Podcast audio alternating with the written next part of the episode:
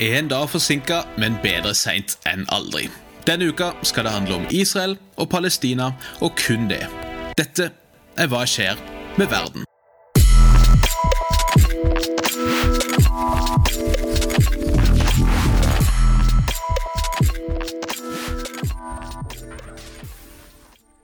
Hei og hjertelig velkommen til en ny episode av podkasten Hva skjer med verden? Denne podden for deg som er interessert i det som rører på seg innen internasjonal politikk og krig og fred og alt det der. der. Eh, mitt navn er Bjørnar Østby, og med meg har jeg som vanlig eh, min kollega og makker Nick Brandal. God tirsdag morgen til deg, Nick. God tirsdag og vel overstått grunnlovsdag, Bjørn. Ja, takk for det. I like så måte. Vi, vi, gratulerer det ganske norske folk med dagen på, på etterskudd. Og jeg, jeg, må jo bare eh, si her at eh, på denne statsborgerprøven som Frp-justisministeren fikk innført, så får du spørsmålet hva slags dag 17. mai er, og svaret er nasjonaldag. Og det er altså feil. Det er grunnlovsdagen. Der ser du. Der ser du. For, for, øvrig så vil jeg eh, her komme med en liten hyllest til Oslos befolkning. Ja, ok. Det, det har jo, vi har jo vært nedstengt nå i, i et halvt år. Eh, med alt det medfører. Det er mye snakk om vaksine og fordeling osv. I går fikk vi da på toppen av det hele skitvær på 17. mai.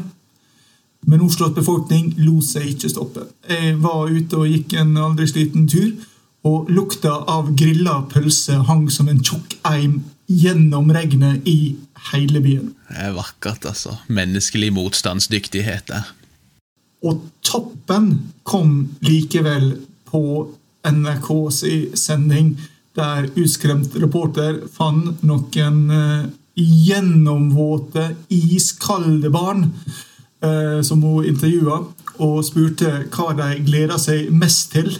Og det var nesten så de ikke klarte å svare for all hytringa og skjelvinga bare de sa at Å ete masse is! ja, jeg hadde to is i, i, går, tror jeg. Eh, hvor mange hadde du? To. Ja, der ser du. der ser du. Jeg fikk enda til en liten sånn brassbandopptreden i bakgården med 'Optimist' av Jahn Teigen og 'Forelska i læreren' og, og, andre nasjonale hymner, så det var, det var en sterk kost.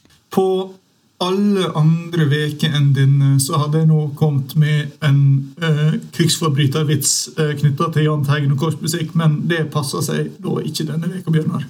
Nei, det, det, gjør ikke det. Og det er jo ikke det at det, det, ikke har skjedd andre ting i verden, det har det jo absolutt, men, men uh, vi føler jo at det, denne uka må eh, handle om eh, Israel og Palestina, og, og eh, kanskje mest av alt om Gaza, men, men, om det som har foregått der, rett og slett. Vi har jo Vi snakka om dette sist mandag, og da hadde jo ikke ennå på en måte skal vi si, krigføringa starta, men, men, vi sa jo da at det, det kan veldig godt tenkes at det vi, vi snakker om da er blitt irrelevant i løpet av ganske kort tid, og, og det, det, ble det jo absolutt. Eh, det ble erstatta av eh, nokså massiv krigføring, får, får vi si, som har pågått i ei uke nå uten stans. Så, så, det vi velger å gjøre denne uka her, er jo, siden vi uansett nå spiller inn på en tirsdag og ting er litt annerledes, så kjører vi i og for seg en ordinær episode, men en liten sånn spesialvri,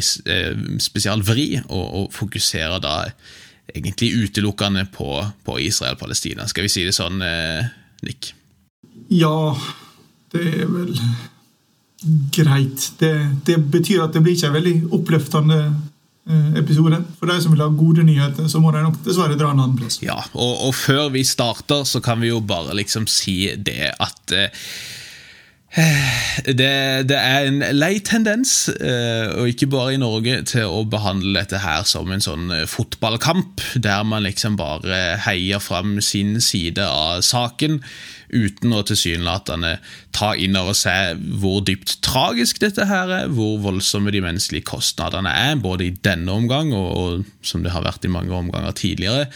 Så jeg tenker vi kan Vi prøver å ha det som utgangspunkt, for det første. Dette er dypt tragiske ting. Og for det andre, vi skal prøve å behandle dette som akademikere. Eh, tro det eller ei, så, så eh, har vi jo en sånn små, småseriøst virke på siden av denne podkasten. Som henholdsvis skal jeg si, eh, historiker og konfliktanalytiker. Så eh, vi kommer nok til å forsøke å ha en viss akademisk distanse til dette her. Men sant, det er ikke noe fotballkamp, vi har ikke noe stakes i dette selv, annet enn et forsøk på å prøve å, om ikke annet, i hvert fall hente ut litt av nyansene i dette her. For på den ene sida er dette fryktelig kompliserte ting, på den andre sida er det en del ting som kanskje ikke er så veldig kompliserte her også. Og det tenkte vi at vi skulle bruke denne episoden på å prøve å, å, å få frem, rett og slett. Så med det så tenker jeg vi egentlig bare kan begynne.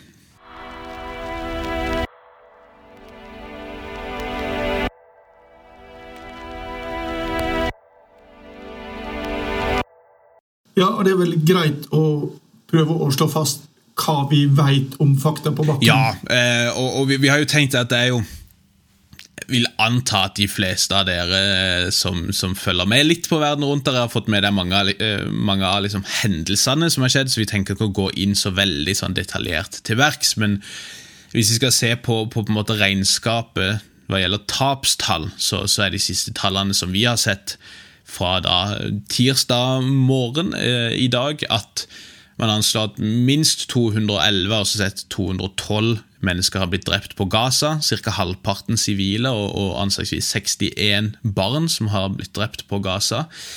Eh, minst 20 skal ha blitt drept på Vestbredden. Og det er håper å si, oppsiktsvekkende, eh, og vi skal komme tilbake til, til hvorfor. Eh, men da primært av israelske styrker og delvis også av noen israelske bosettere. Og så har minst ti israelske sivile blitt drept i, i eh, disse voldsomme rakettangrepene mot Israel. Så regnskapet nå er at minst 240, antageligvis nærmere 250 mennesker, de aller aller fleste av de sivile, skal ha blitt drept drept til, til nå. Eh, dessverre så ser vi jo det vi ofte ser i eh, disse krigene. Det har jo vært en, en, en serie med kriger om Gaza, og, og den siste eh, og dødeligste til nå var vel i, i 2014, hvis vi ser bort ifra på en måte under det mest intense under disse intifadaene. Men vi ser jo som vanlig at det er palestinske sivile som dør i, i størst antall, holdt på å si og jeg tenker En sånn disclaimer også som vi må på en måte ha med oss når vi skal gå inn i dette, her, er jo at enhver skal vi si, seriøs analyse av det som skjer, må ta inn over seg det som er en dyp, dyp asymmetri i maktforholdet mellom Israel og mellom Palestina, eller palestinerne. Det er jo, Israel er ingen liksom uniform størrelse. Eh, det er masse motsetninger innad i Israel, og det samme innad i det vi kan kalle Palestina, eller for den palestinske sida av saken. Så det, det, er grenser for hvor nyttig det er å bruke de begrepene. Men, men det er altså maktforholdet mellom skal vi si, israelske eh, det israelske militæret, IDF, og, og deres palestinske motsatser og palestinere generelt det, den maktbalansen er hardt i Israels favør, og det kommer til uttrykk på mange måter, ikke minst når vi også ser eh, de faktiske tapstallene her. Det er ikke et moralsk statement, det er ganske sånn nøktern observasjon som, som, det er viktig å ha med seg når vi går inn i, i materien her.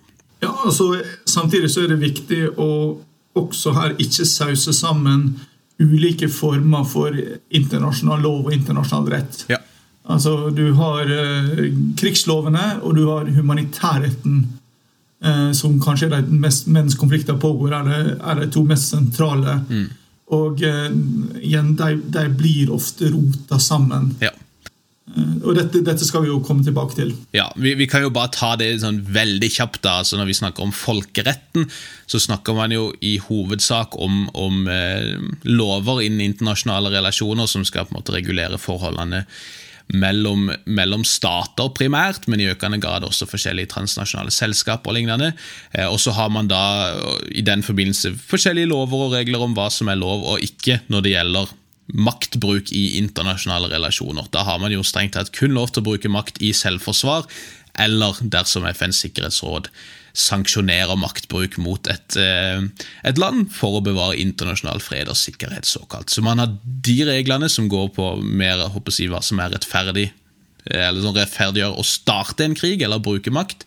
Og så har man det vi kaller den internasjonale humanitære retten, eh, som da innebærer ting som Haag-konvensjonene, Genéve-konvensjonene og andre typer internasjonale juridiske dokumenter som skal regulere hva som er lov i krig. De sies jo gjerne at alt er lov i krig og kjærlighet, men det er det altså ikke. Det er litt sånn floskel å påpeke det, men, men det er en hel del kjøreregler for hva som tillates og ikke når en væpna konflikt først er i gang.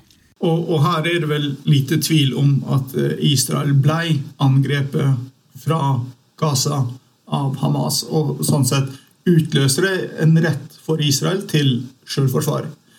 Men og så Men. Ja. Ja, ja, ja. Nei, sant, og, og det er jo sånn at Ofte så kommer det en del sånn her eh, stråmann-argumentasjon også. liksom sånn, 'Å ja, Så Israel har ikke lov til å forsvare seg? Sånn, jo, så klart har Israel lov til å forsvare seg. Men en analyse av situasjonen her kan ikke kun starte ved når raketter blir avfyrt fra Gaza. Man må prøve å for det første se den større konteksten. Man må prøve å se hvilken, altså hvor i jeg håper å si, en sekvens dette her skjer. Eh, og som vi skal snakke om, så er det jo ikke altså sånn, Det er god grunn til å tro at, at spesielt eh, Israels sittende statsminister Benjamin Netanyahu ikke nødvendigvis har noe problem med at det kommer konflikt akkurat nå, og det har heller ikke Hamas, for så vidt. Sant? Så det er, ikke, liksom, det er ikke bare et spontant krigsutbrudd som ikke Israel har noen skyld i, for så vidt, men, men, det kan vi komme tilbake til. Israel har en rett til å forsvare seg, men det er grenser for hvordan Israel kan forsvare seg, og det er jo noe vi må snakke om. Eh, det samme gjelder denne her diskusjonen. Har Israel en rett til å eksistere? Så klart har Israel en rett til å eksistere. Det har FN eh, slått fast da, eh, Israel ble oppretta i 1948. Spørsmålet nå er hvilke områder skal utgjøre Israel, og der har også internasjonal lov og internasjonale organisasjoner har vært ganske tydelige, eh, som gjør at måten, altså områder Israel kontrollerer i dag, på Vestbredden spesielt, da, ikke tilhører Israel formelt, men da er under israelsk okkupasjon. Igjen, ikke en moralsk statement, ikke noe normativt over det, men i et juridisk statement. Men la oss snakke litt om selve krigføringa. Nick, hvordan ser håper si, eh, eh, Hvilke tall har vi per dags dato om det som faktisk har skjedd? Her må vi jo gå ut ifra det som partene sier, fordi det er jo ingen som har eh, nøytrale institusjoner som har oversikt. Ja, viktig poeng. Og uh, Det som har vært rapportert, er at fra Gaza har det blitt sendt 3350 raketter på ei uke. Mm. Til sammenligning så er det bare rundt 1100 færre enn det som ble sendt i 2014 i løpet av 51 dager. Ja. Altså med, som med andre ord er nesten da, seks uker mer. Ja. Så det er noe av det mest intense bombardementet vi har sett fra Gaza, for å si det sånn. Ja, og igjen, hvis dette Det skal ikke fortsette lenge før det blir det mest voldsomme konflikter vi egentlig har sett siden i hvert fall 1973. Mm. Når det gjelder krigføring i, i regionen der. Uh, så snakker du jo om eh, Vestbredden. Eh, og 20 drepte der høres jo kanskje ikke sånn voldsomt ut opp mot eh, over 200 i Gaza. Men igjen til sammenligning, dette her er den mest omfattende volden siden den andre intifadaen for to tiår siden. Mm, mm. Så altså, relativt sett så er dette ei voldsom eskalering på Vestbredden. Ja, Som nok symbolsk sett veier mye tyngre enn enn at det er kamper på Gaza. liksom. Det har vi sett mye av de siste 20 årene etter den andre intifadaen, men ikke på langt nær like mye på Vestbredden. Ja, og eh, vi skal komme tilbake til om det finnes mulige løsninger her. Men det er vel ingen som mener at den løsninga ikke vil involvere eh, Fatah-ledelsen på Vestbredden. Og hvis konflikter der også nå blir så komplisert at det ikke lenger er mulig å snakke sammen, altså da, da, er, da er alt ferdig. For, uh, ja, det er det dønn fastlåst, liksom. Altså, alle, det er jo ingen som tror på at det finnes noen fredsprosess nå. Den er steindød. Ingen tror på noen tostatsløsning heller, det kan vi komme tilbake til. Men, men disse utviklingene gjør i hvert fall ikke forhandlingsklimaet bedre, for å si det sånn. da. Så eh, ja, Vi sa jo over nesten 3500 raketter fra Gaza. Eh, de treffer jo i varierende grad noe som helst. Mm. Det er vel vår snakk om ti drepte inne i Israel. Det var en buss som ble truffet. Men, men, her snakker vi om en grad av tilfeldighet. Altså, Hamas har ikke veldig stor kapasitet utover det å ha mange raketter når det gjelder faktisk treffemål. Mm. Israelske hæren derimot jo, er jo ganske treffsikre og har høy teknologi. Mm. og De har da angrepet 1200 mål på ei uke og stort sett truffet alle sammen. Mm. Og Blant disse målene så har vi jo sett eh, skoler, sykehus, flyktningleirer og høyblokker, inkludert eh, der eh, Associated eh, Press blant annet hadde kontorer sine. Og Det er jo ikke et hvilket som helst pressebyrå, det er liksom USAs største pressebyrå. Så, så, når de får en halvtime på seg til å evakuere fordi bygget deres skal bombes, fordi det visstnok er Hamas-aktivitet der, så er det ganske dramatisk, altså. Eh, og det er jo mange som påpeker dette med at Israel i hvert fall gir folk en sjanse til å forlate disse byggene, og, og det er jo, jeg vet ikke om vi skal si det er beundringsverdig, det er jo det fremstår jo som et forsøk på å hvert fall begrense sivile tapstall, og det er jo bra, men, men resultatet er jo uansett at sivil infrastruktur ødelegges, og, og, gitt den blokaden som eksisterer i dag, som hindrer konstruksjonsmaterialer å komme inn, så vil det jo ta årevis å få bygd opp noe av dette igjen, som, som gjør at, at, hundrevis av familier som også bor i disse byggene, vil, vil miste sine boliger. da. Altså, Disse advarslene handler om juss. Det handler om at eh, Israel da i ettertid kan si at vi har holdt oss innafor eh, det internasjonal lov og rett eh, sier om når vi bomber det vi mener er militære mål. Mm. For, og, her er vi jo igjen da, tilbake igjen til et spørsmål om krigens folkerett. Altså Hvis eh, en bygning blir tatt i bruk for militære formål, så er det et legitimt militært mål. Mm. Eh, og, og, det er jo Israels eh, argument, at eh, Hamas tar i bruk sivile bygninger og bruker dem som i sin infrastruktur for å angripe Israel. Derfor er det legitime mål. Det er jo klin umulig å, å, sjekke mens konflikter pågår. Ja. Og når vi da går over til eh, humanitærretten mer allment eh, Det at folk da, altså tusenvis av mennesker mister bostedet sitt, på Gaza, der det egentlig ikke finnes eh, så veldig mange alternativ. Det er ikke akkurat et eh, voksende eh, utleiemarked her, ja. for å si det mm. mildt. Gjør, gjør, jo at dette ikke er så enkelt heller. Nei, fordi et av de helt liksom, elementære prinsippene når det gjelder hva som er lov og ikke i krig, det, det er jo såkalt proporsjonalitet. ikke sant? Så, så maktbruken du benytter deg skal stå i stil med den maktbruken som du har blitt utsatt for. Jeg, det er ikke proporsjonelt om USA eh, bruker kjernevåpen mot Afghanistan som respons på 9-11 f.eks. Der, der står ikke svaret i stil til det opprinnelige angrepet. Jeg, og, altså, så Proporsjonaliteten må både stå i stil til det man har blitt utsatt for, men man må også tenke at den militære nytten eh, veier tyngre enn de skal vi si, sivile og humanitære kostnadene. Og, og, Der er jo dette litt mer komplisert igjen, eh, gitt at vi vet at mange sivile bodde i disse bygningene. Så klart fortjener Hamas fordømmelse hvis, hvis det faktisk er tilfellet at de har benytta disse byggene til militære formål. Da kan Israel argumentere for at de har lov til å angripe dem, men hvis man samtidig vet at de sivile kostnadene her vil være store. Ikke nødvendigvis med tanke på liv som tapes, men eiendom, tak over hodet osv. som tapes. Så blir dette litt mer nyansert og litt mer komplisert med en gang. Men her er det da Israel vil argumentere med at så lenge de gir eh, de sivile mulighet til å unnslippe eh, før bygningene blir bomba, så er dette ikke, er dette ikke en krigsforbrytelse. Mm. Fordi det er et legitimt mål, og at dette vil ikke være altså De har oppfylt proporsjonalitetskravet idet de gir de sivile muligheter. Ja, og de, altså, de, de, kan fint argumentere for at de har oppfylt det, og så vet vi ikke om de har oppfylt det. ikke sant? Og det er det som er, Vi vet ikke om det har vært eh, Hamas-styrker eller representanter i disse byggene. Eh, Netanyahu og IDF sier at de har delt eh, etterretning med USA som beviser at det var Hamas-aktivitet, spesielt i dette pressebygget, da, mens utenriksminister Anthony Blinken har sagt at det er ikke tilfellet. Vi har ikke fått sett noe av dette beviset. Så, eh, så der må man rett og slett ta IDF på ordet. Jeg er litt nølende til det. Jeg ser veldig mange sluker alt rått. Det er de om det, håper jeg. Ehm, men et, et, annet poeng som er viktig å nevne her, er at Hamas er jo ikke kun en væpna bevegelse. Altså, egentlig er det jo Al-Qassam-brigadene, den væpna vingen til Hamas, som står for angrepene, sammen med grupper som palestinsk islamsk jihad og andre. Hamas er jo også et politisk parti, og det, det er ikke noe jeg sier for å liksom legitimere Hamas som bevegelse, eller noe, men det er et nøkternt statsvitenskapelig faktum, fordi Hamas også da er myndighetene på Gaza. Og med myndigheter så kommer det jo også masse masse helt mundan dagligdags aktivitet som liksom kontorer for å regulere sanitære forhold. ikke sant?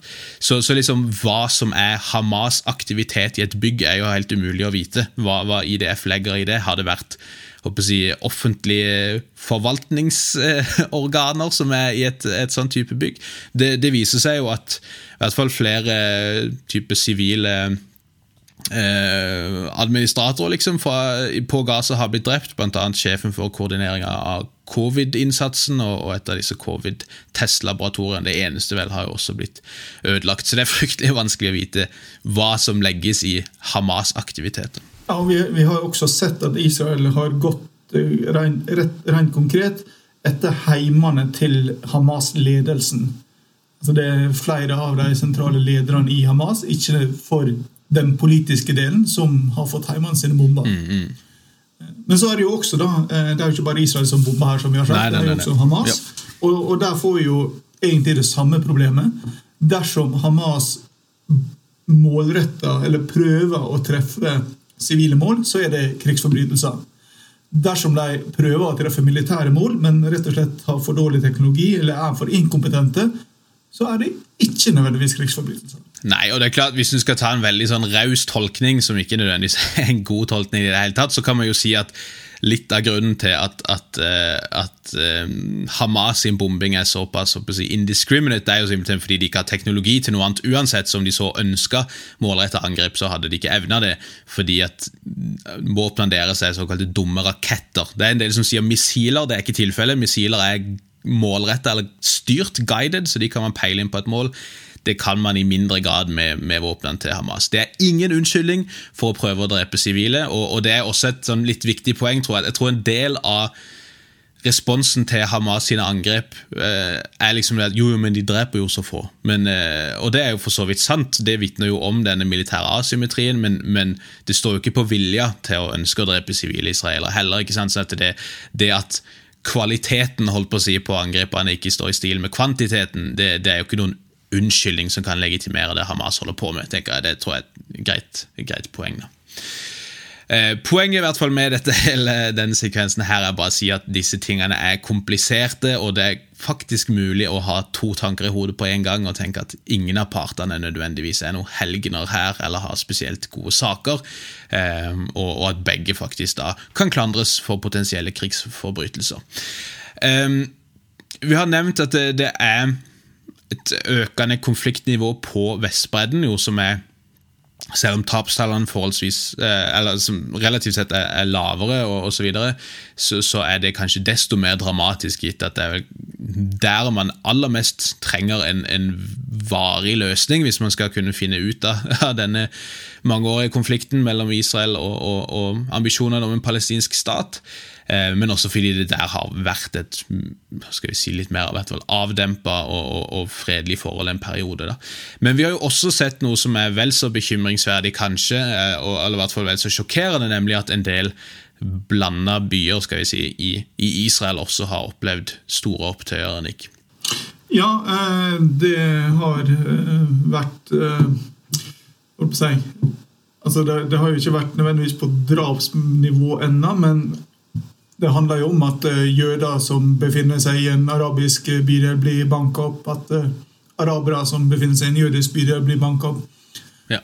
Bare skyte inn Når vi sier arabere her, det er en typisk liksom, betegnelse. Israelsk araber brukes om palestinere med israelsk statsborgerskap. Det, det er jo noen som veldig sånn hardline eh, pro-israelere som gjerne ikke bruker begrepet palestinere i det hele tatt, men med israelsk araber så mener man altså palestinere som har israelsk statsborgerskap. Og det er det jo mange av i Nord-Israel spesielt, da det er en del av disse det, altså det, har jo vært regelrett lynsjmobber som har gått rundt og oppsøkt eh, ja, enten israelske arabere eller jøder. da. Ja, og, og, som vi vil komme tilbake til, så har jo dette også spilt inn i, i israelsk politikk, der eh, enda, enda større konflikter langs, langs etniske skillelinjer har, eh, har, vist seg. Og um, mm. altså hvis vi får en økt etnifisering av denne konflikten også innad i Israel, både i samfunnet på bakkenivå og i politikken, så gjør det jo heller ikke lettere å finne en løsning på dette. Ikke det hele tatt. Og, og, og, allerede før vi så denne volden, så, så snakka vi om sist uke hvordan israelsk presse meldte om at det er flere israelske arabere som nå har også dratt til Jerusalem og vært med på demonstrasjoner, men som også har liksom ytra mye mer støtte til palestinere på Vestbredden spesielt. da eh, noe man ikke har sett like mye av før. Så det kan se ut som det liksom er, er, er mer skal vi si, om ikke samstemthet, så i hvert fall solidaritet si, mellom palestinere med israelsk statsborgerskap og de som er under israelsk kontroll, men som mangler de rettighetene.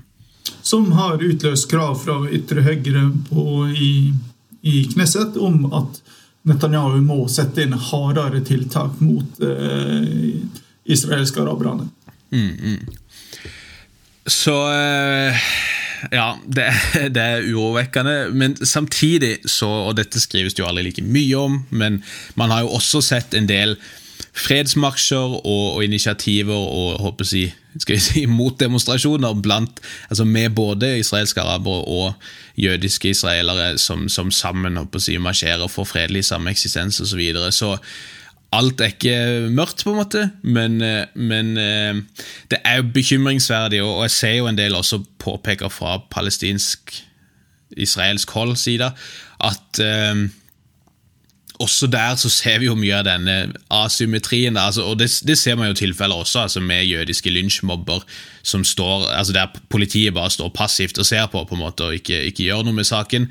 Så det er liksom én side som har politiet i ryggen, en annen som ikke har det. og, og jeg har jo sett også det har jo vært en del problemer med gjengvold og forskjellige feider liksom, i noen av disse israelske-arabiske nabolagene, der politiet liksom ikke tilsynelatende har gått og involvert seg veldig, og som har gjort at man, man har fått mye mer kriminalitet i disse områdene. Da. Så det er, det, det er, ting Jeg har sett flere eh, israelske kommentatorer, både jødiske og arabiske, som, som påpeker at det, det, er ikke nødvendigvis så sjokkerende eller overraskende at, at frustrasjoner kommer til uttrykk nå, da, som, som en del internasjonal presse gjerne vil ha det til.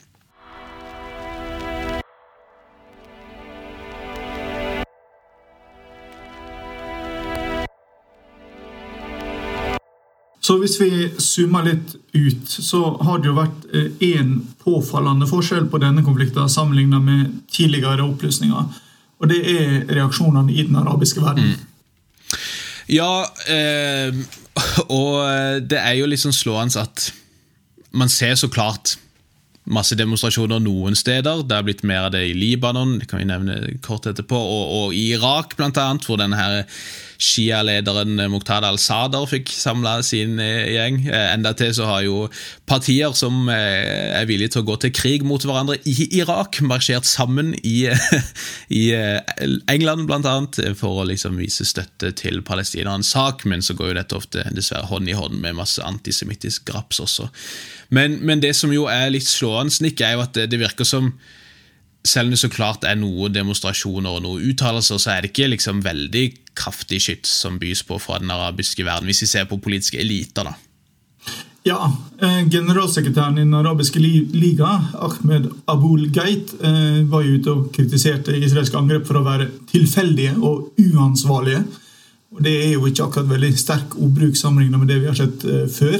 Mm. Eh, og når han så fulgte opp med å si at det palestinske spørsmålet fremdeles er viktig for de arabiske landene, så er jo det en understreking som ikke hadde vært nødvendig å, å komme med tidligere. Så den er jo talende i seg sjøl. Og både ordvalg og handlinger tyder på at det er også en sannhet med ganske store modifikasjoner, i beste fall. Den, vi har sett en påfallende mangel på engasjement overfor den pågående krigføringa i Gaza.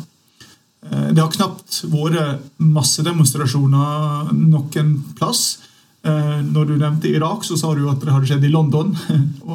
det har jo skjedd, skjedd noe i, i, i Irak ja. også, men, men de, de, kraftigste demonstrasjonene med den si, voldsomste fordømmelsen har jo vært i utlandet. Si, i, gjerne i Europa primært. da.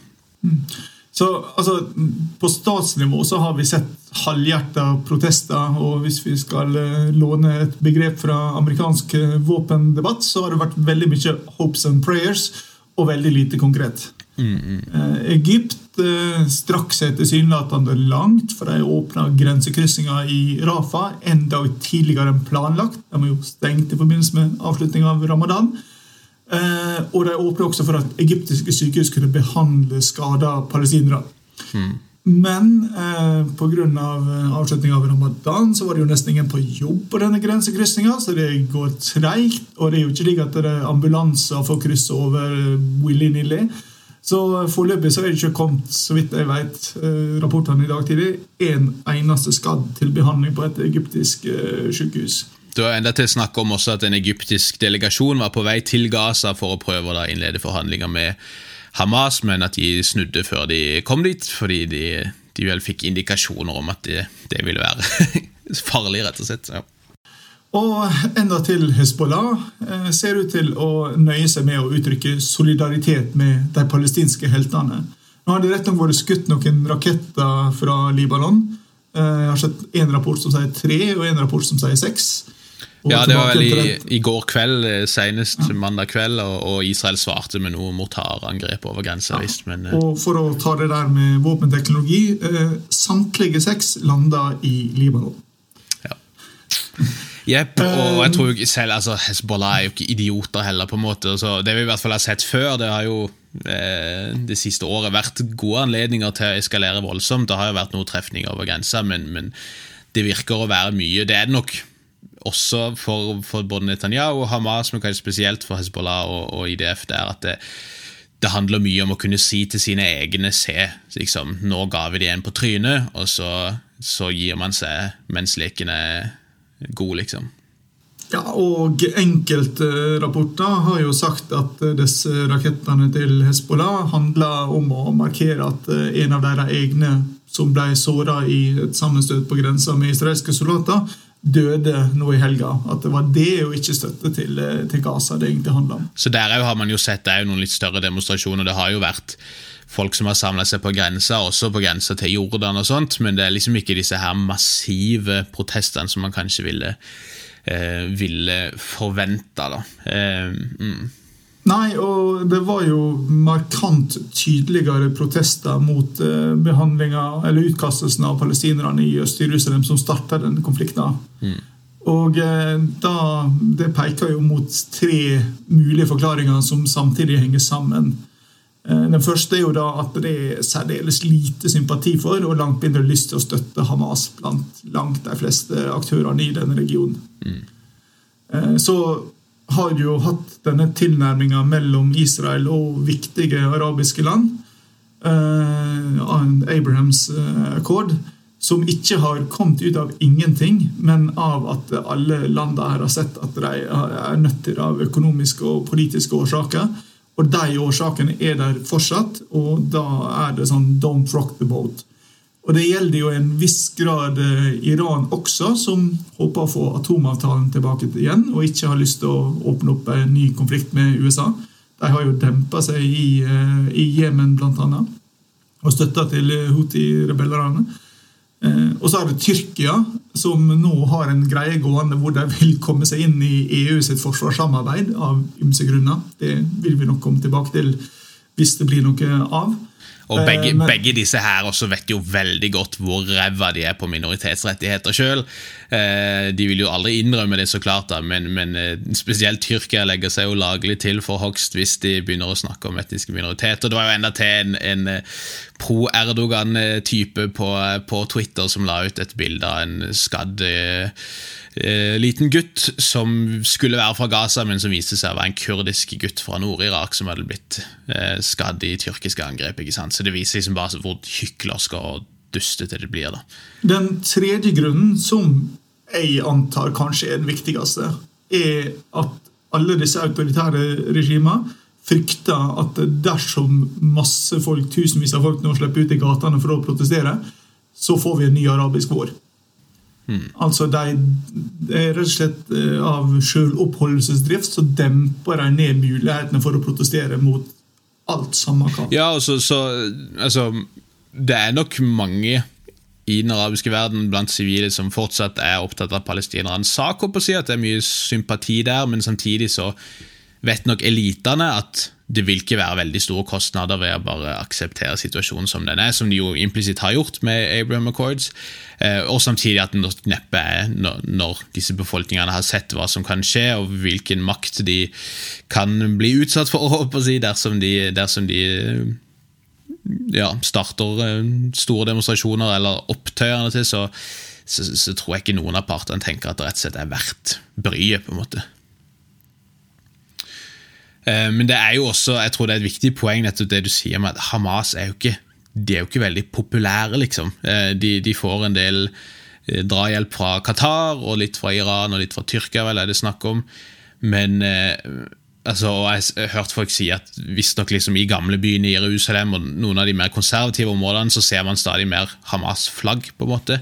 Men, men det er jo ikke Det er jo det som er synd, at de de er gode i konflikt, kan vi si, eh, på lik linje som Netanyahu, men når de må deale hver for seg, så, så er de nokså eh, korrupte og inkompetente, begge parter. Eh, det kan vi komme tilbake til, men, men altså Hamas er ikke nødvendigvis en spesielt populær organisasjon, og det er viktig å ha i mente. Men vi kan, vi kan komme tilbake til det litt eh, seinere. Det har jo vært en del demonstrasjoner i, eh, i Vesten, som vi snakka om. Det har jo vært mm, spesielt i, i, London, virker det som, og der har det jo hvert fall blitt filma en del liksom, fæle rasistiske, antisemittiske greier også. Men Frankrike tar det jo alltid et, et lite steg lenger, Nick. Ja, der eh, innførte eh, regjeringa eh, under Macron forbud mot pro-palestinske demonstrasjoner nå i helga. Dette handler dels om erfaringene fra Frankrike i 2014, og dels pga. det som, har, som skjedde i Tyskland i dagene før. Og, og, I bunn og grunn så er det frykt for at det vil medføre antisemittisme, opptøyer og voldsbruk. Eh, I 2014 så, så, så en, eh, særlig i Paris, angrep mot synagoger, jødiske butikker og bruk av antisemittiske slagord. Og Dette er også ting som da skjedde i flere tyske byer eh, i løpet av helga. Så mm. det var store protester, som stort sett var fredelige. men du fikk også antisemittiske slagord, og det var steinkastet imot synagoger. Mm. Og eh, ja Så har um, forbudet ikke uventa fått støtte fra Høyre og kritikk fra Venstre. Jean-Luc Mélenchon i La France Insoumis, som er det største partiet på venstresida etter at sosialistpartiet kollapsa, um, har jo kritisert at Frankrike nå er det eneste landet i verden som forbyr solidaritet med palestinerne. Altså, det er jo det et land med en ganske stolt uh, tradisjon for antisemittisme òg, bør kanskje nevnes. Yeah. ja, men uh, klart at uh, du, du, har lov å protestere i Israel, men ikke i Frankrike. ja. det, det, er jo et lite poeng der, da. Og, det er absolutt, absolutt. Og Dette har jo også vært poenget til Det grønne partiet, som sier at, det, at å ha et forbud er et forbud, et angrep på grunnleggende politiske rettigheter, nemlig å kunne protestere. Ja, men. Eh, og det, det, er også ganske mange i Macron sitt eget parti, La Rem, som ønsker seg en sterkere kritikk av de israelske angrepene, eh, selv om de da ikke nødvendigvis vil ut og protestere for Hamas. Mm, mm. Eh, I Tyskland har det interessant nok vært mindre motstand mot regjeringas offisielle linje, som er å understreke eh, Israels rett til selvforsvar og å oppfordre alle om å eh, møtes ved forhandlingsbordet. Både Heiko Maas, som er utenriksminister, og Det grønne partiet, som er de som eventuelt kan komme til å ta over etter valget, har kjørt den samme linja. Faktisk har De grønne partiet kritisert eh, regjeringa for å ikke være enda tydeligere på dette poenget. Eh, så hvis vi går tilbake til hva linje disse landene har, så virker ikke Tyskland å ha en sånn aktiv politikk, men det har selvfølgelig Macron. Han har jo satt i gang et eh, voldsomt telefondiplomati der han har snakka med eh, Abbas på Vestbredden, han har snakka med Netanyahu, Og han har snakka med Abdullah II av Jordan, og han møttes faktisk også med al-Sisi fra Egypt i Paris eh, i forrige uke. Og eh, han prøver da å sette sammen en sånn anti-Hamas-koalisjon. Eh, så Hvis alle de andre blir enige her, så blir det umulig for Hamas å fortsette eh, krigføringa. Mm. Så bare prøver nok ganger, så må det jo funke før eller siden. Han hadde jo et mindre vellykka forsøk i Libanon for en tid tilbake, blant annet. Men vi får jo beundre beundre han for at de prøver, i hvert fall. Og, og det tror jeg er jo et viktig poeng. altså det, det er mulig å gjøre Hamas irrelevante uten å knuse dem med våpenmakt, potensielt, og det, det kan vi komme tilbake til.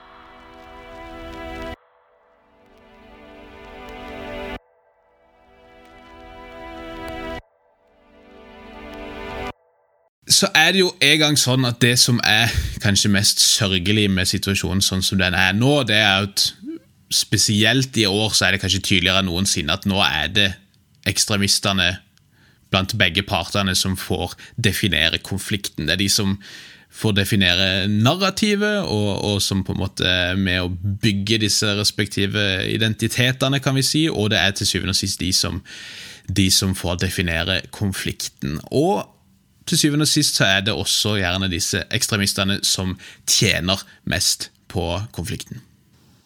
Ja, her, her, kan vi ta først eh, to eh, hakk tilbake igjen, og når du nevner ordet narrativ.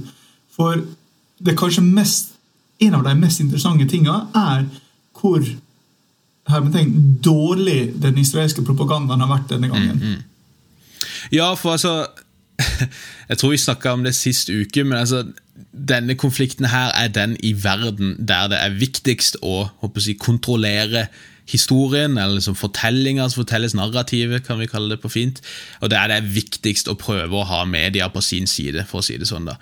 Og, og Vanligvis har det i hvert fall vært et forsøk på å, liksom, å, å styre narrativet og prøve å få god dekning fra IDF eh, sitt hold, men det virker det som man bare gir beng i nå, egentlig. Altså det, for, for, tingen er da, altså, det, det, er jo noen som sier at jo, jo, men det er Hamas som har lagt ut masse feller her. og Det er Hamas som liksom lokker lokka sikkerhetsstyrker inn i Al-Aqsa-moskeen fordi de visste at det ville være kjempeprovoserende og skape masse sympati for palestinernes sak. Om det så er tilfellet, så, så, burde man jo i hvert fall fint kunne ha sett hvilke konsekvenser dette ville få. Så Hvis vi tar Hamas sin ideologi på ordet, så er de jo programforplikta til å gripe inn hvis noen liksom angriper det tredje helligste stedet i islam. Men, men, det virker som eh, israelske forsvarsstyrkene og, og myndighetene bare ikke bryr seg, nesten. og, Én ting er så klart alle disse sivile tapstallene, eh, det er jo ikke noe nytt. Men det at man nå bomber disse tårnene hvor Al-Shazira og enda til USAs største nyhetsbyrå befinner seg, og det er etter at man eh, etter sigende har manipulert internasjonal presse til å, ved å fòre det info om at nå kommer det en bakkeinvasjon, og så har man liksom lurt Hamas ned i tunnelene og bomba tunnelene sønder og sammen. Det, det, er ikke veldig populært blant verken journalister eller mediebyråer å, å bli aktivt utnytta inn mot en krigsinnsats hvis situasjonen faktisk, eller hvis den gjengivelsen stemmer. Og, og, desto mindre populært når da til og med kontorene til eh, flere av disse byråene da bombes etterpå. Og som sagt, Det er vanskelig å motbevise Israel, eh, på, eller altså IDF sine påstander om at Hamas har brukt disse byggene, men det er umulig å bevise det også, tilsynelatende. Og da sitter vi igjen med en situasjon hvor selv de mest hardbarka pro-israelske folka jeg ser på, på internettet, ser at det her er elendig strategi PR-messig. liksom. Hvorfor gjør dere dette her? Det, de, de PR-messige kostnadene kan ikke gjøre opp for de militære gevinstene som kommer av dette. her. Og Da mistenker vi fort at dette ikke handler om å appellere til det internasjonale samfunnet, men at dette handler om innenrikspolitikk. Yes. Og eh, Vi var jo innom det forrige uke, at eh, opplysninger kunne gjøre det vanskelig å danne en anti-Netanyahu-koalisjon som kunne eh, få, få, en ny israelsk regjering. Vi har jo hatt fire valg på to år i Israel, og ingen av de har resultert i at man har greid å stable på beina en, en ny regjering, rett og slett. Og eh, det som skjedde ganske kjapt, det var jo at eh, Naftali Bennett og Jamina-partiet, som ligger på ytre høyre israelsk politikk, trakk seg fra forhandlingene med Yair Lapid om å danne en ny regjering uten Netanyahu.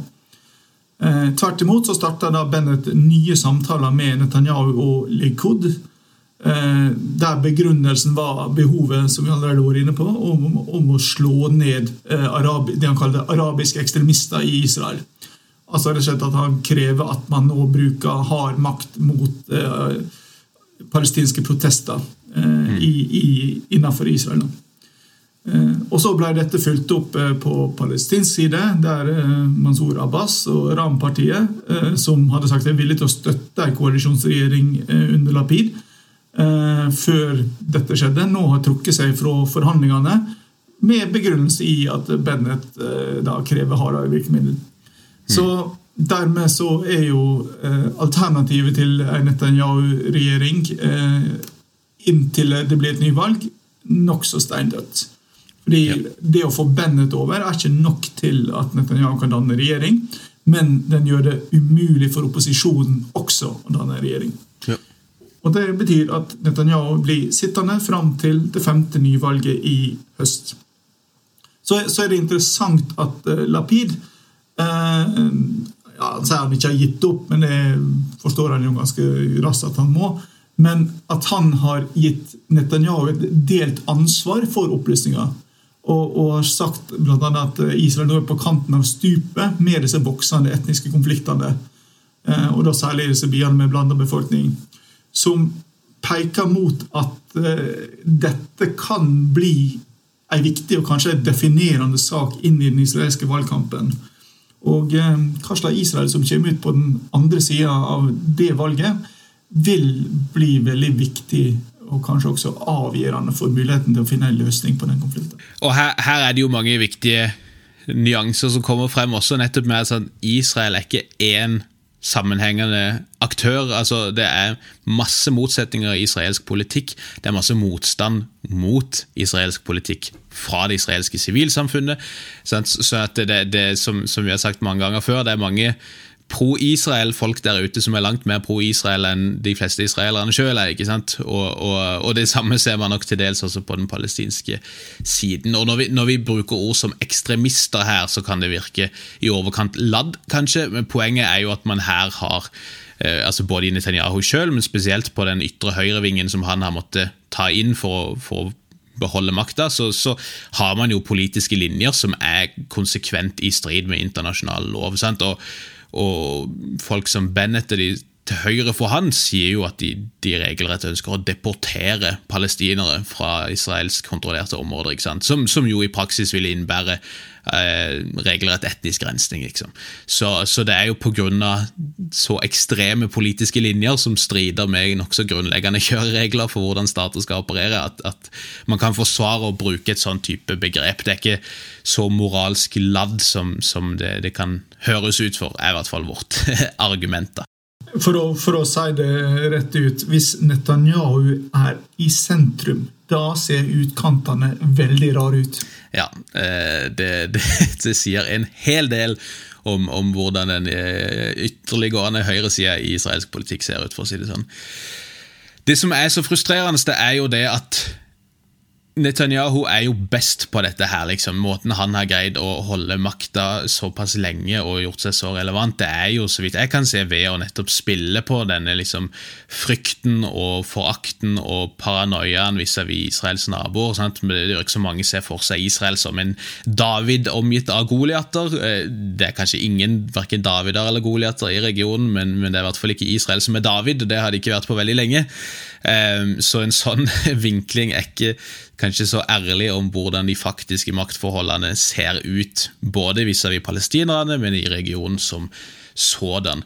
Ehm, men Netanyahu er veldig god på å ehm, håper å si, navigere konflikt, og på kanskje enda til manipulere konflikt.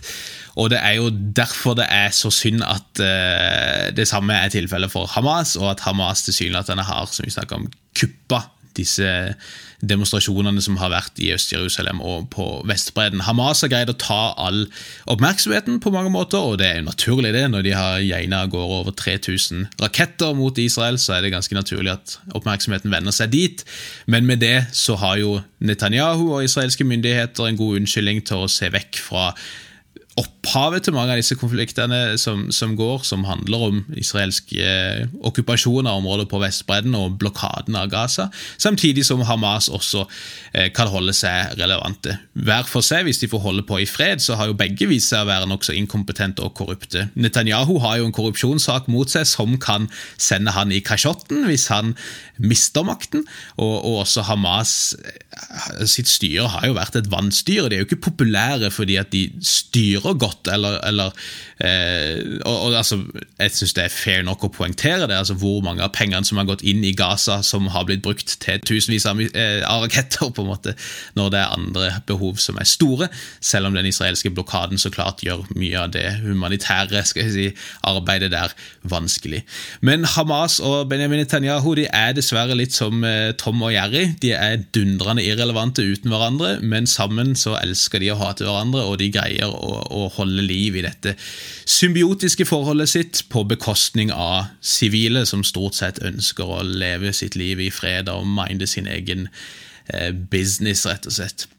Ja, altså Hvis Netanyahu virkelig ville kvitte seg med Hamas, så kunne han jo bare ha stengt av vannforsyninga inn. Eh, og det har jo ikke engang blitt diskutert. og ja, det kan selvfølgelig hende det fordi at også Netanyahu har en grense, en plass han ikke vil gå. Men eh, bare ved å gjøre det i ganske kort tid, eh, så hadde Hamas i praksis bare måttet lagt seg paddeflate. Ja, og jeg ser jo, altså Når vi snakker om demonstrasjoner, sånn, så ser jeg jo at det er en del som skriver det er en hashtag nå som liksom Gaza genocide og sånt. at man skal liksom, Det, det er veldig sånn Alt som er galt for tida, er folkemord, på en måte. og det, det var sånn, Ting kan være fryktelig liksom forferdelige og, og fortjener å dømme snor og ned uten at det er i nærheten av å utgjøre et folkemord. Liksom. Og, og, Det er rett og slett ikke et folkemord som foregår. Man kan argumentere for at eh, palestinerne over lang tid er blitt utsatt for forbrytelser mot menneskeheten og for etnisk rensing osv., men folkemord er det ikke spesielt ikke i dag, håper jeg, og det, det gjør jo ikke forhandlingsklimaet noe bedre, for, for, så vidt å si det. Selv om man kan absolutt forstå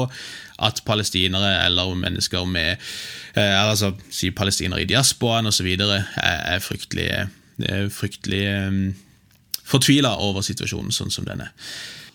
Det vi da ser, for å oppsummere, er jo da en, det, det, som egentlig er et komplisert nettverk av forskjellige ståsteder og synspunkter og grupper i økende grad blir polarisert inn mot uh, to aktører som har interesse av å holde konflikter gående, og som har interesse av å ha hverandre som fiender, og som ender opp med å gjøre konflikter i praksis uløselige. Ja, og det er ikke det at jeg tror at verken Hamas eller, eller Netanyahu eller IDF liksom ønsker å ofre sivile, på en måte, men Israel lever veldig greit med situasjonen sånn som den er nå. Eh, Nei, Israel lever ikke veldig godt med situasjonen som den er nå. Nettopp. Netanyahu, Likud og IDF lever veldig nettopp, godt med situasjonen som den er nå. Netanyahu, Likud og IDF lever veldig greit med situasjonen som den er nå. Israelske sivile lever ikke på langt der så godt så, med det. Den israelske sentrum- og venstresida og israelske sivilsamfunnet eh, yter masse motstand mot situasjonen.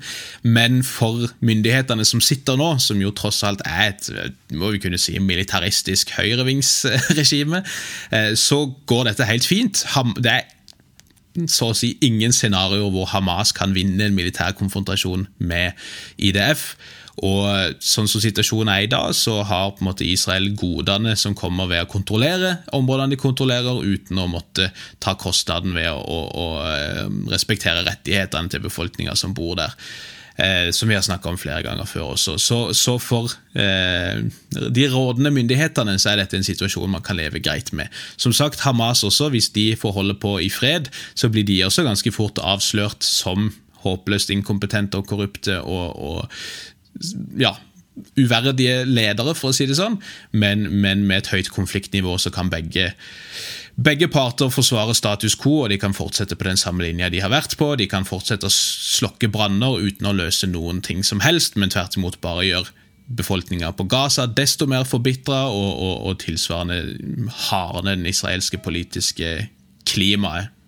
Ja, og, og, her er det jo en, en utvikling som har vært veldig tydelig, nemlig at på alle sider her så har man ikke lenger disse personene, skikkelsene med moralsk autoritet, politisk autoritet, til å kunne gjøre strategiske og langsiktige valg. Man har ikke noen Yitzhak Rabin, som man hadde forut for Oslo-prosessen. Man har ikke engang en Ariel Sharon, eh, en av de største skurkene i eh, hele regionen. Eh, det er noe den sin sak, men altså han, han kunne trekke, stoppe bosettinga, rive, rive bosettinga. Ja, for sant, typer som disse var jo beinharde, liksom, men, men, hadde likevel gravitasen til å ta upopulære beslutninger, som da Sharon eh, si, beordra jødiske bosettere fra Gaza ut av Gaza i 2005, var det det.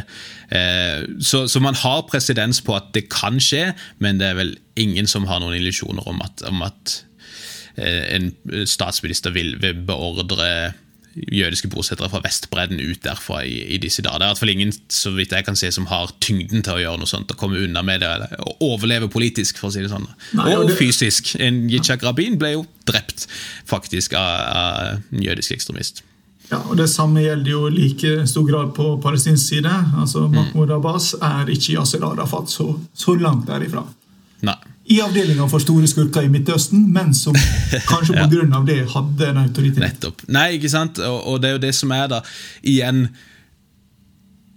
en, en eventuell løsning vil jo kreve kanskje mest fra israelsk hold, gitt at israelske myndighetene har et så åpenbart maktovertak. Da, og Det er liksom der igjen, det som er så frustrerende, er jo at det er måter politisk sett å gjøre Hamas mindre relevante på. F.eks. ved å prøve å bistå Fatah, eh, og, eh, altså partiet som, som, styrer på Vestbredden, og med Mahmoud Abbas i spissen. De har jo også vist seg å være både korrupte og inkompetente og upopulære, av, av gode grunner gjerne. Men, men det er måter å gjøre Hamas langt mindre innflytelsesrike og, og, relevante på enn det å, å rett og slett bare intensivere en, en, en, eh, konflikt som ligger latent der hele tiden, for å si det sånn. Um, men det, det, igjen, det er ingen unnskyldning for at Hamas eh, prøver å drepe israelske sivile i det hele tatt, og det, det, tror jeg vi har vært ganske tydelige på. Poenget er bare liksom at de partene som sitter med makta, må ønske fred for at det skal kunne bli fred. Og da sitter vi med situasjonen sånn som den er. Det jeg syns er kanskje spesielt urovekkende også, er at det virker som nesten mer enn før. Så, som du sa, så, så har man endt opp med å liksom redusere konflikten til at det står mellom Hamas på den ene sida og si Likud Netanyahu IDF på den andre. Da. Men det virker også som at liksom dette etniske aspektet eller si religiøse aspektet har blitt forsterka også. at Nå, nå er, virker det som det nærmest er gjengs, gjengs å ta jøder som et synonym på Israel, og vice versa. Jøder kan tas til inntekt for israelsk politikk, samme hvor det er. Det har man jo sett med masse antisemittisk graps både i, i, Israel, men også i, i forskjellige vestlige demonstrasjoner med, med angrep mot jøder, rent konkret, eller mot synagoger og lignende. Men vice versa så virker det også som de i større grad er at liksom Hamas har blitt synonymt med den palestinske sak eller med palestinere, eller at enhver palestiner er en, et Hamas-medlem i, i uh, utkledning. håper jeg å si. Altså det, det, har blitt en sånn voldsom redusering av, av konflikten til to veldig svart-hvitt type aktører og narrativer, som, som, også gjør forhandlingsklimaet mye verre, og som gjør analysene veldig mye dårligere. Da. Ja, og man kan jo spekulere i om dette eh, dels henger sammen med at tostatsløsninga Etter hvert som tostatsløsninga blir mindre og mindre aktuell, så må Israel eh, ta opp problemstillinga at eh, man enten må gjennomføre en storstilt etnisk rensning, eller så vil man bli et multikulturelt ja. land. Og, og, det setter jo en del grunnleggende ting i den israelske identiteten i Ja, og det er jo det som er så vanskelig med Hvis Israel skal være et sånn sionistisk prosjekt, hvis Israel skal være en stat av og for jøder, så er jo det litt av grunnen til at disse etter hvert millionene av palestinere som er i diasporaen fordi de er flyktninger, eller jeg håper å si flere generasjoner flyktninger som lever i juridisk limbo. altså Grunnen til at de ikke får komme tilbake, det er jo flere ting. En ting er jo at de har ikke noe å komme tilbake til fordi deres områder og eiendommer har blitt tatt over av jøder for lengst. Men en annen ting er jo at hvis de gjør det, så har man jo undergravd hele poenget med Israel. Hvis poenget med Israel er at man skal ha en stat hvor jøder skal være en ubestridt majoritet. Det vil ikke lenger være tilfellet. Over natta så vil jødene være i minoritet. Men paradokset er jo at også uten et sånt scenario så vil jo det bli en realitet før eller siden. Dess lenger man drøyer en tostatsløsning, dess nærmere kommer man eh, situasjonen hvor da palestinere eh, eller andre etniske minoriteter også i sammen da vil utgjøre en majoritet, og jødene vil bli en minoritet innenfor sin egen stat. Og Da kommer man, som du sier, til, der må man ta noen veldig harde beslutninger. Enten så må man begå massive forbrytelser mot menneskeheten ved å rett og slett bare deportere palestinerne, som noen av de mest ytterliggående partiene i israelsk høyreside har foreslått. Eller så må man ta en fryktelig vanskelig diskusjon om hva Israel skal være. Skal det være en multikulturell stat? Skal man se for seg en, en føderasjon? Osv. osv. Og, og dette var jo startpunktet for utbruddet av konflikter denne gangen nemlig utkastelsen av eh, palestinere i Øst-Jerusalem i bygårder på, som var bygd på områder som eh, jøder hadde kjøpt før 1948. Mm. Og eh, jussen her er nok grei i at de som eide dette før 1948, har, har eiendomsretten. Men så ser vi jo samtidig, som du nå nettopp eh, sa veldig godt, at Israel gir jo, og israelske domstoler gir jo ikke denne retten til palestinere, som har den i like stor grad. Nei. Altså De som bodde og eide ting i det som i dag er Israel før 1948, har rett til å få mm. dem tilbake. Nei, sant? Altså, så da, da har du jo eh, liksom grunnleggende eh, juridisk altså det, det, er jo her det blir lett å kaste rundt seg med sånne apartheid-anklager, men da har du en liksom strukturell eh, ulikhet juridisk sett, da, hvor, hvor to parter egentlig kan gjøre det samme kravet på land som de hadde eiendom, eh, eierskap til før 1948, men kun den ene faktisk har juridiske kanaler å ta en sikt krav gjennom.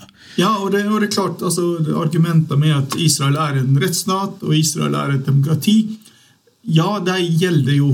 Det, det er jo ikke feil. I eh, Israel og, proper er det riktig. Ja, ja. Eh, men de som bor i områder som Israel for alle praktiske formål har full kontroll over, har ingen politiske rettigheter. I det hele tatt. Og, og, for å være litt tabloid Ja, jeg vil heller eh, være en araber i Israel enn å være en jøde i eh, Egypt. Men jeg vil jammen heller ha vært israeler i Israel enn araber i Israel. Altså det, det ikke, og, og det er også Israel proper. Mm, mm. Ja, ja. Nei, og Det er jo der det kommer frem med disse blanda byene også, at det er mange palestinere med israelsk statsborgerskap som opplever at de har blitt neglisjert av politiet. da, ikke sant? Eh, og det er sant, for det, Ofte så hører en sånn der, jo jo, men, men sutt og vær så, hvorfor er det så mye kritikk mot Israel når Israel er det eneste demokratiet i Midtøsten? Men det er sånn, formelt sett så krever jo, hevder jo også Tyrkia at de er et demokrati, og delvis også Libanon osv. Eh, ja, og Iran sitt lokaldemokrati er jo forbilledlig. Selv om, det, selv om det nasjonale demokratiet ikke nei, så, og, og altså sånn, Det finnes forskjellig grad av velfungerende demokratiske former, og, og, demokrati er ikke bare demokrati. på en måte, og Det er jo en kjent sak det for så vidt at, at den demokratiske statusen til Israel har gått ned noe i senere år. Litt fordi at man rett og slett ikke greier å stable på beina ei regjering etter fire forsøk på to år. Litt pga. hvordan Netanyahu har holdt på, og korrupsjonsanklagene mot han osv. Men, men mest av alt si, pga. at Israel kontrollerer en stor befolkning som ikke har de rettighetene som de strengt tatt har krav på. Ehm, så, så liksom sånn det, det er ikke i og for seg feil å påpeke at Israel er kanskje mest demokratisk av statene i regionen, men det er heller ikke noen unnskyldning. Som, måte, altså det har ingenting å gjøre med reglene for krig, f.eks. Nei, og, og, og, vi har også sett en tendens til at israelske domstoler har blitt mer politiserte også i denne konflikten over de siste ti årene.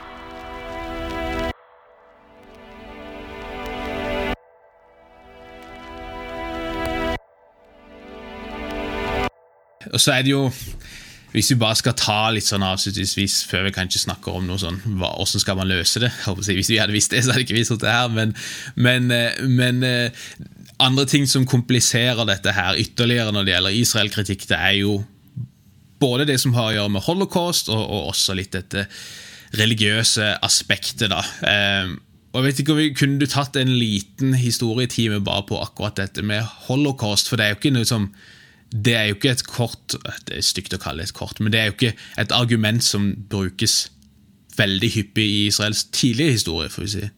Nei, altså Startpunktet for altså muligheter for å få en, en jødisk stat her, er egentlig masseinnvandringa som kommer i første halvdel av 1930-tallet, etter nazistene kommer til makta i Tyskland.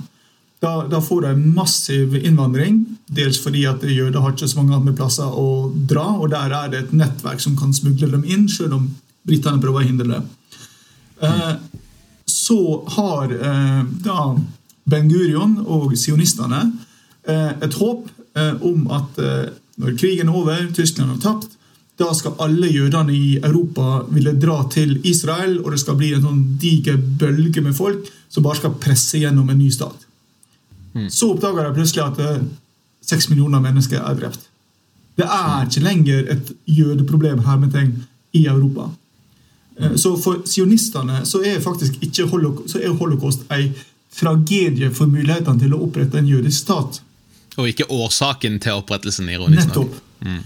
Og eh, hvis du begynner å, å, å, se på støtta til å opprette en jødisk stat, så, så, er ikke den veldig stor i internasjonal politikk i 1945 Et, og, og, i perioder utover. Altså, Storbritannia er jo imot. De har jo mandatområdet. Frankrike er imot. De har jo en avtale med Storbritannia mer eller mindre om hvordan det skal eh, deles.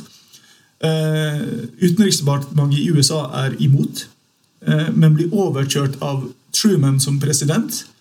Truman vet vi er en rabi, nokså rabiat antisemitt.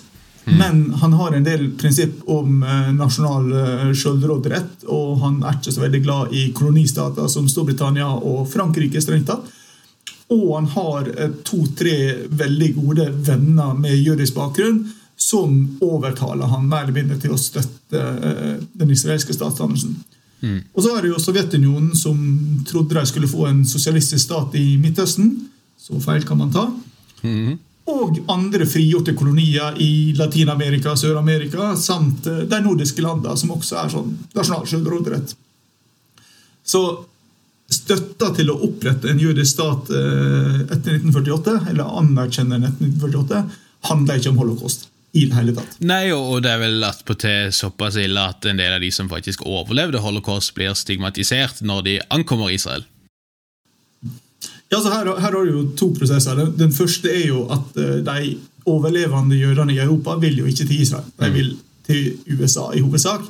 Uh, USA har begrensa lyst til å ta imot dem, og de europeiske landene prøver jo etter hvert å styre dem mot Israel, og, og en god del kommer. Mm.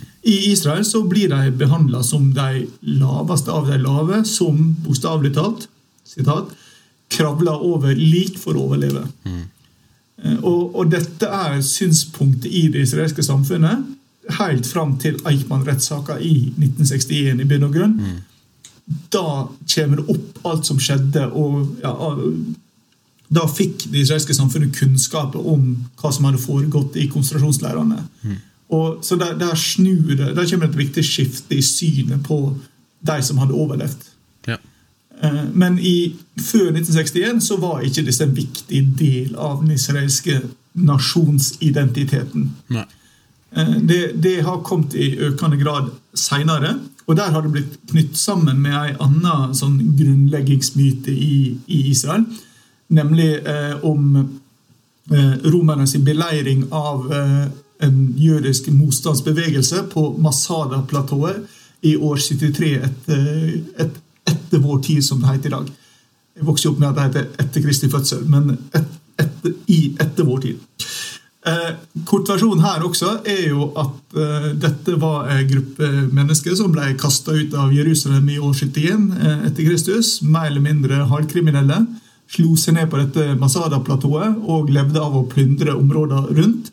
Og Etter hvert så ble, ble begynte lokalbefolkningen å klage til romerne. og så ikke at romerne fant at nå må vi bli kvitt dette her. Så de starta en beleiring, og eh, det endte da med at disse her eh, litt over 900 eh, menn, kvinner og barn, før romerne kunne innta platået, begikk kollektivt selvmord. Mm. Men eh, i den israelske historiefortellinga om dette, eller sånn den har gått inn i mytologien, så er det jo da disse som eh, Da er ikke disse her småkriminelle. Da er dette her heroiske motstandskjempere som gjorde det man burde gjort under holocaust, nemlig å gjort motstand og heller tatt sitt eget liv enn å gå villig inn i gasskamera. Mm, -hmm. Så eh, rekrutter i den israelske hæren har et sånn ritual der de tidlig om morgenen i, ved soloppgang skal klatre opp på denne klippa. Eh, som en sånn right of passage, overgangsritual.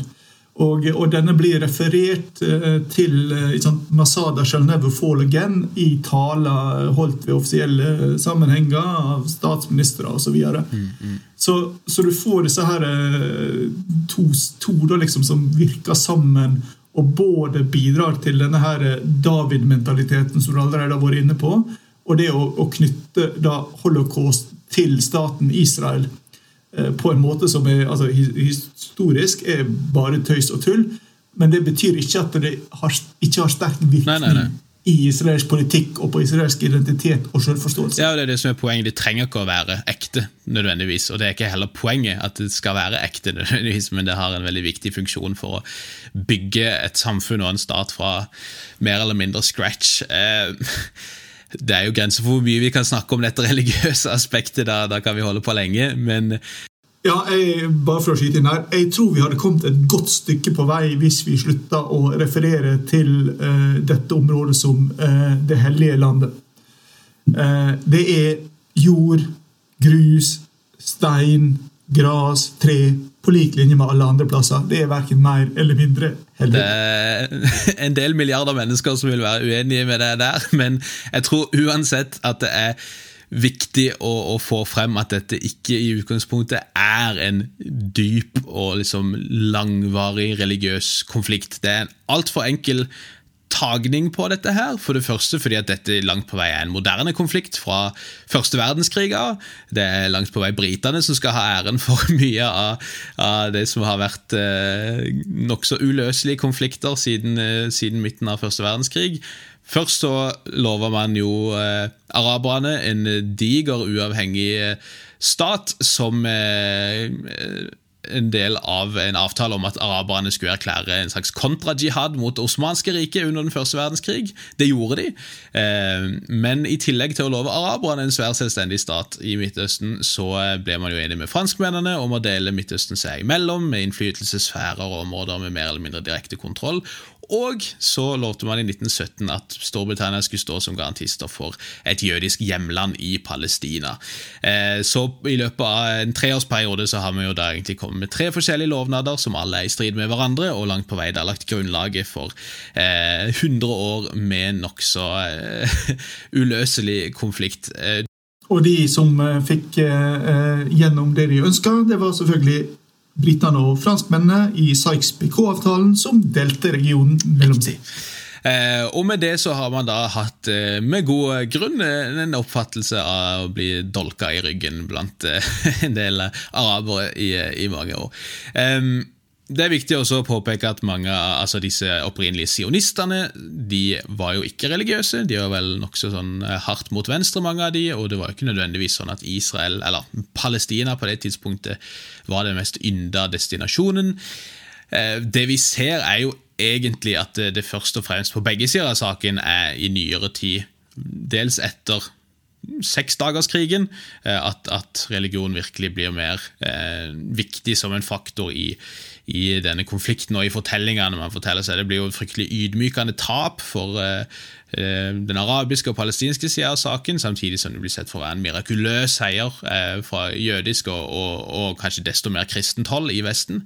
Eh, men så ser man jo gradvis da i løpet av 70- og 80-tallet at at eh, religiøse aktører får mer og mer innflytelse. Man ser det i israelsk politikk med, med bosettingspolitikken, som spiller mye på eh, forskjellige profetier og på, på religiøse tanker om å å bosette eh, områder som er rettmessig jødiske fra, fra si, hine hårde dager og gamle, gamle testamentlige og nytestamentlige tider.